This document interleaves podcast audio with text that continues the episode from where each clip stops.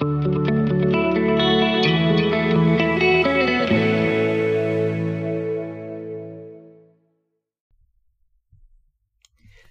vandaag een bericht van een cliënt die twijfelde om te verlengen. En die wilde ik even delen. Want na het bericht besloten we te bellen. En binnen 10 minuten ervoer ze een hele grote shift hierin. In het, in het bericht wat ze me stuurde schreef ze... San, ik twijfel. Ik voel me eigenlijk best wel goed. Er gebeurt nog heel erg veel, maar ik sta best wel sterk. En ik voel eigenlijk altijd wel een onderstroom van vertrouwen. Ik weet niet of ik het nog wel nodig heb. En we gingen natuurlijk bellen. En in het gesprek bleek inderdaad dat ze twijfelde. Met het traject, had ze zoveel versteviging in zichzelf gevonden. Was ze zoveel meer van zichzelf gaan houden. Had ze zoveel meer vertrouwen gekregen. Had ze die integratie dan nog wel nodig. En het is wel interessant wat er gebeurt. Uh, vooral als je zoveel achter de rug hebt qua innerlijk werk en persoonlijke ontwikkeling. Dan heb je een mate van vertrouwen opgebouwd. En ben je eigenlijk wel klaar met elke keer de diepte in te gaan. Heb je misschien juist wel echt even de behoefte om te integreren, om alles te laten landen. Ja, heb je het dan nog wel nodig? En wat ga je dan in godsnaam bespreken in de sessies? En ik denk, ik moest daar een klein beetje om lachen, want ik denk dat het een heel belangrijk signaal is wat wijst naar je groei. Ehm, als je hoofd er op die manier mee aan de haal gaat, wijst het er namelijk best wel duidelijk op vaak dat je in een nieuwe laag aankomt. Of laten we zeggen een nieuwe fase. En dit keer was het de fase van ik ben al goed genoeg, ik ben al af. En dat is super fijn. Maar wat er ook gebeurt wanneer je een nieuwe laag inkomt, is dat je hoofd er een verhaal van gaat maken. Dat is iets wat je gedachten doen. Uh, het is de menselijke neiging naar de creatie van grip en voorspelbaarheid. Dus dan ervaar je of heb je ervaren dat je goed genoeg bent. Je hebt veel werk aan jezelf gedaan. Je weet dat diep van binnen. En dan gaat je hoofd er allerlei dingen aan vastplakken. Zoals een inhoudelijke voorspelling maken met een vorm. Hoe iets eruit gaat zien. Hoe iets vanaf nu zou moeten gaan. Uh, wat er dan wel bij hoort. Wat je dan moet gaan bespreken.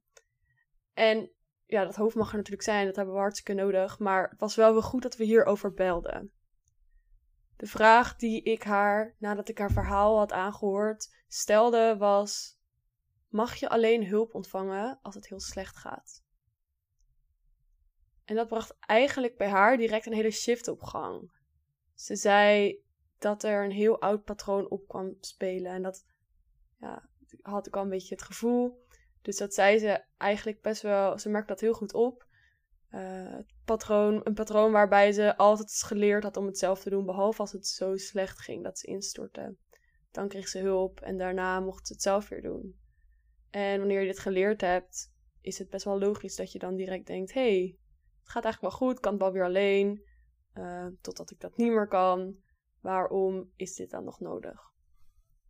Maar door dit in te zien en door te voelen dat dit een oud patroon was, en ook te gaan voelen wat met haar deed en hoe, het, hoe ze zichzelf eigenlijk tekort deed door in hetzelfde patroon te blijven, shifte ze dus van waar moet ik nog aan werken naar ik mag me laten dragen. En ze voelde daardoor meteen aan dat het een soort cadeau was aan zichzelf om zichzelf consistent te, te laten dragen. En ja, dit gaat best wel over een bepaalde voorwaardelijkheid die ik wel vaker zie, waarin je alleen steun ontvangt als het heel slecht gaat. Dat je alleen uitreikt als het heel slecht met je gaat. En ja, waar de coachingsindustrie ook perfect op past natuurlijk.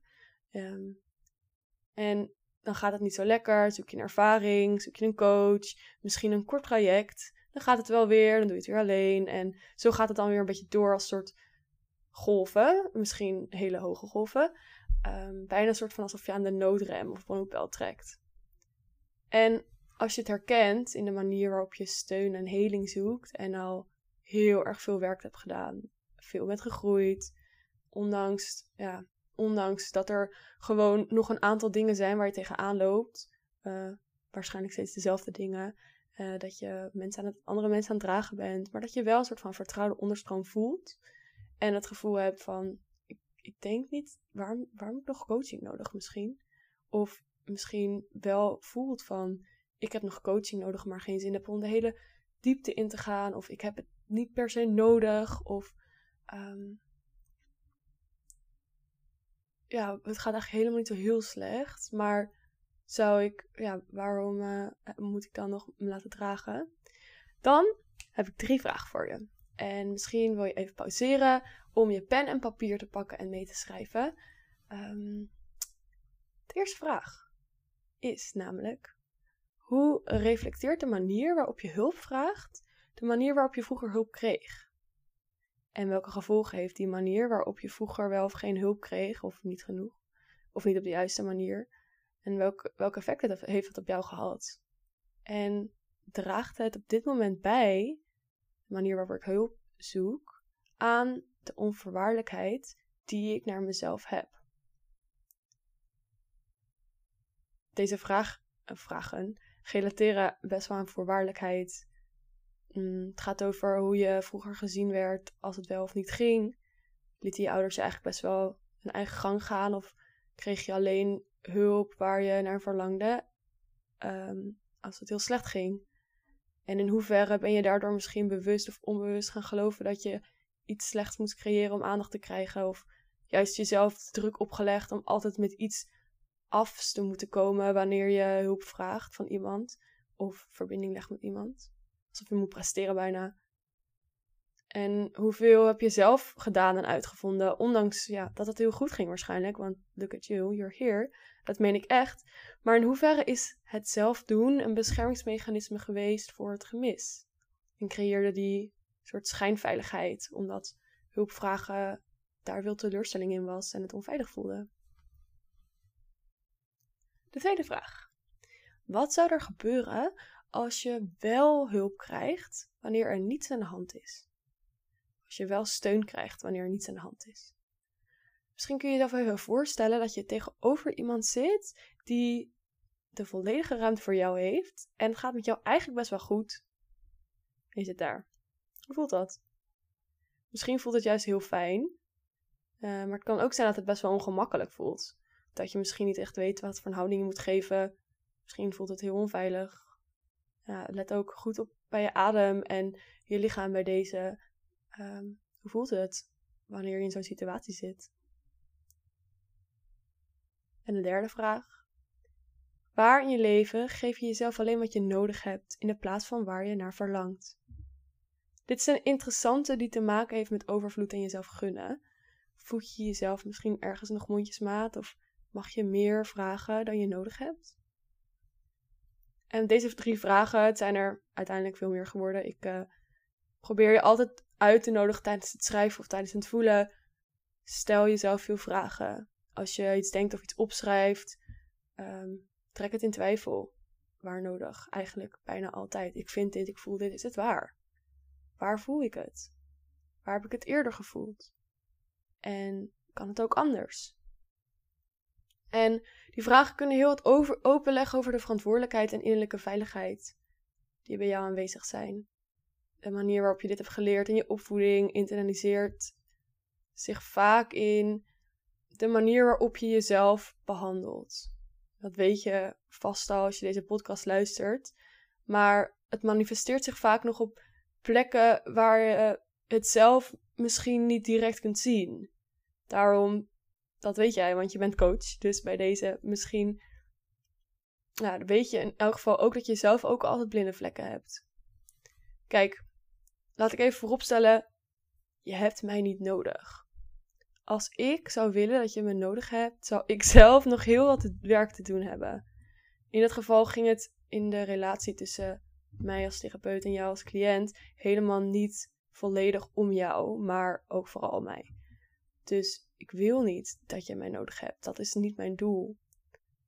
Maar ik wil je wel vragen wat je jezelf gunt. Dus hoe zou het zijn als je iemand hebt die er helemaal voor jou is?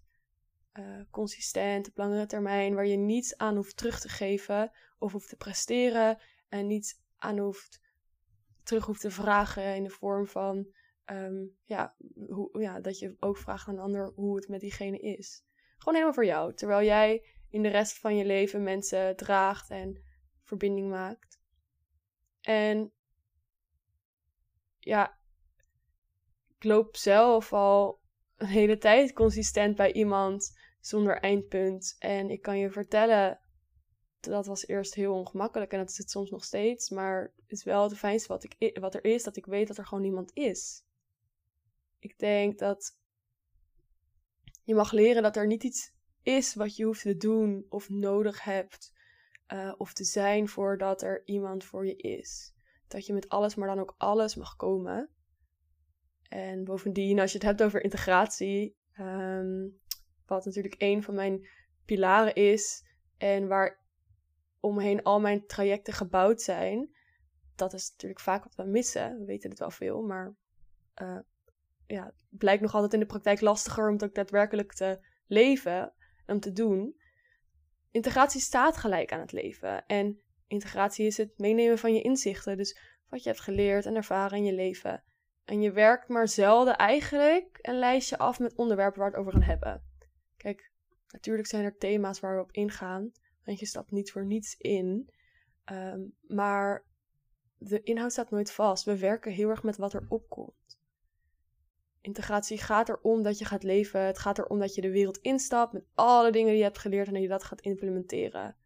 Terwijl je in je lichaam zit. En dan ga je gewoon alles tegenkomen in je leven wat daar nog niet op ingericht is. Je gaat gewoon geraakt worden en getriggerd. En je gaat nog honderd keer aanlopen tegen dat ene ding wat telkens zo frustrerend niet lukt. En ja, dan gaan we doorvoelen wat daar nog onder zit. We gaan het herleiden naar waar wat nog gezien wil worden. En we werken met alles wat aanwezig is, met jou en met alles van jou. Want kijk, wat er dan gaat gebeuren als je jezelf consistent laat dragen, is dat je dat zelf ook gaat voelen. Dat je onvoorwaardelijk met alles kan komen, dat je jezelf, dat je je kunt laten dragen in alles. Ook de dingen die je wel of niet belangrijk acht om in een sessie te brengen. Dat je jezelf gaat geven wat je verdient, niet alleen wat je nodig hebt. Dat je er beter en in meer aanwezigheid ook voor anderen kunt zijn, zonder leeg te lopen, omdat ja, je weet gewoon dat er iemand is die consistent voor jou er is. En je gaat er rust in vinden. In jezelf ook vooral, in je leven, vrijheid en veiligheid. En zo kan je eigenlijk al die dingen die je hebt geleerd juist integreren en daar heel sterk in worden. En je doet dat nog steeds zelf, maar je doet het niet meer alleen, want iemand loopt naast je. Nou, ik ben nou best wel weer een tijdje aan het praten. um, ja, deel je antwoorden alsjeblieft met me. Of je inzichten, of ook als je er niet uitkomt. Ehm, ik ben sowieso altijd echt super benieuwd hoe resoneert wat ik zeg met je. Dus stuur me alsjeblieft een DM via Instagram. Uh, vind ik leuk. En um, ja, mocht je nou denken, ja, San, ik gun mezelf die consistentie, die integratie, innerlijke veiligheid en daarmee ook die vrijheid. Dan kun je ook meteen een vrijblijvende 1 op 1 inplannen via de link in de beschrijving van deze podcast. Die zou ik even toevoegen. En dan uh, wil ik je bedanken voor het luisteren.